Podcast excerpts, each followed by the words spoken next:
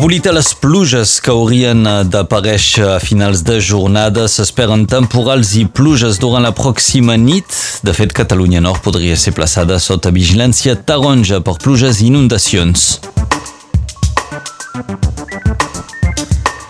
El Vall de Perpinyà vol complir amb la seva promesa de campanya de crear un parc temàtic català de l'estil del Puy du Fou. Veurem quin és el punt de vista del nostre col·laborador geògraf professor universitari Joan Becat.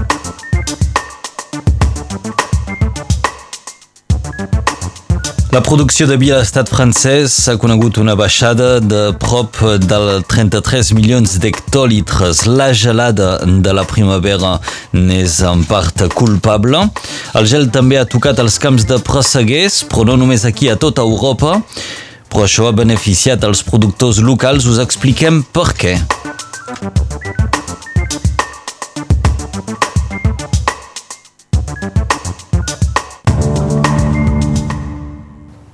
Després d'uns dies de calor excepcionals per un mes de setembre, la situació meteorològica s'hauria de degradar avui.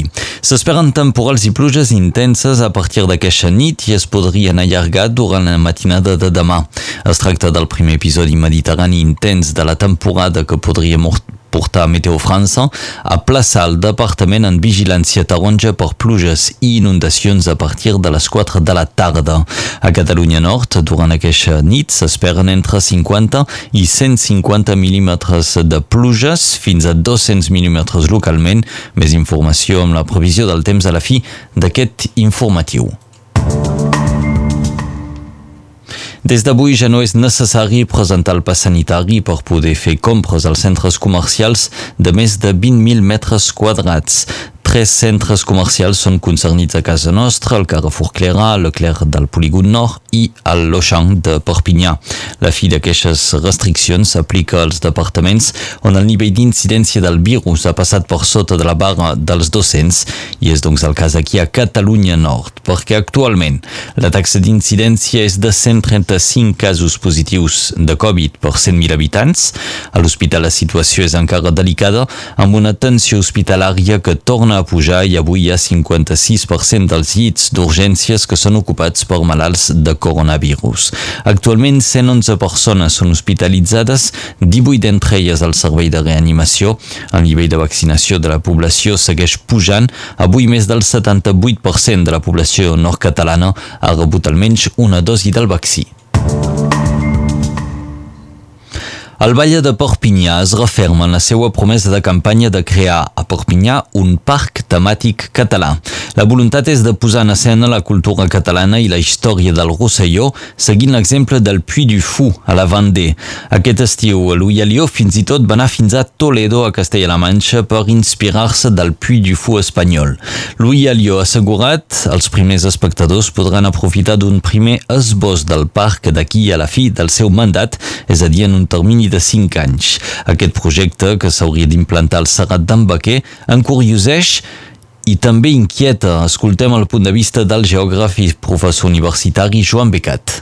Pot semblar una cosa eh, sense importància, però ho és, perquè aquests parcs a temes no és explicar la història, sinó deformar la història en funció d'un projecte polític és el que ha fet el diputat eh, pròxim de l'extrema dreta eh, Philippe de Villiers al Puy du Fou, el famós Puy du Fou, que té per objectiu de consolidar els tòpics de la història oficial francesa i desborar tot l'altre.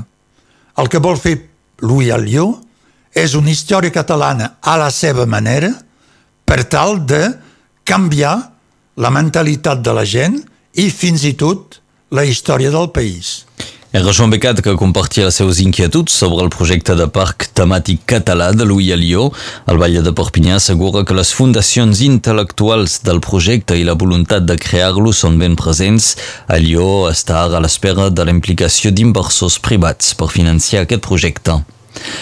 Argelès de la Marenda. Ahir al matí un home va rebre una fletxa al cap després d'una baralla. La víctima hauria allotjat l'agressor, un sense domicili fix. La cohabitació no hauria anat bé i ahir al matí el sense sostres hauria disparat amb un arpó contra el qui l'allotjava. La fletxa va tocar el cap de la víctima, però només es va plantar a la pell del cuir cabellut. L'escena era doncs completament sorprenent pels habitants d'Argelès, que van veure com la víctima amb la fletxa encara plantada al cap perseguia el seu agressor. La víctima va rebre atenció atenció mèdica dels bombers mentre que l'agressor doncs, ell va poder fugir. La producció de vi a l'estat francès hauria de conèixer enguany una baixada de prop de 33 milions d'hectolitres. Això representa un retrocés de menys 29% en comparació amb l'any passat i menys 25% per sota de la mitjana de producció dels últims 5 anys. És el Ministeri de l'Agricultura qui va anunciar aquestes xifres ahir. Aquesta baixada de producció s'explica en part per la important gelada de la primavera que va tocar la vinya.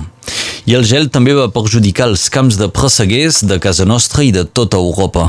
Pel departament es tracta d'una producció capdalt, ja que, recordem, la meitat dels préssecs produïts a l'estat francès venen de Catalunya Nord.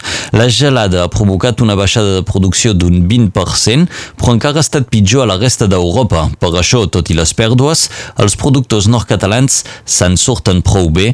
A causa de la gelada aquest any els preus han pujat per arribar a uns nivells històrics, un fet doncs que ha beneficiat als productors locals.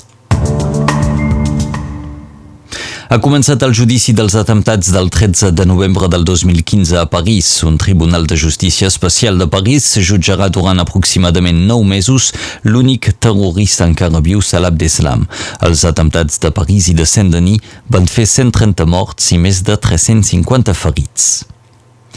Mèxic despenalitza l'avortament per una decisió del Tribunal Suprem que reconeix el dret a decidir de les dones. Per unanimitat dels jutges han invalidat un article del Codi Penal de l'estat de Coahuila que imposava d'un a tres anys de presó a la persona que voluntàriament practiqués un avortament o a la persona que la fes avortar amb el consentiment. La decisió judicial afecta només el Codi Penal de Coahuila, però estableix un precedent obligatori per tots els tribunals del país. Això podria suposar la posada en llibertat de les dones que ara compleixen condemna a la presó per aquest delicte. I a l'Afganistan, el portaveu dels talibans ha presentat una bona part del nou govern del país. Mohammad Hassan Akund encapçalarà aquest nou executiu. Aquest govern no transmet gaires esperances pel que fa a l'obertura i al canvi anunciat pels talibans.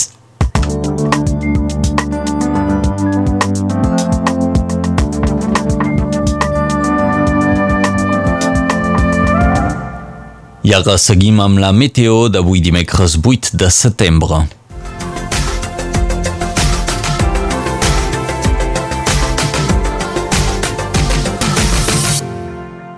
Una depressió situada a l'oest de les Illes Balears ens porta entrades marítimes i núvols baixos a la zona litoral i prelitoral, bufa marinada i mitjorn que s'aniran reforçant amb el pas de les hores fins a arribar a velocitat de 65 a 70 km per hora per sobre de l'Albera.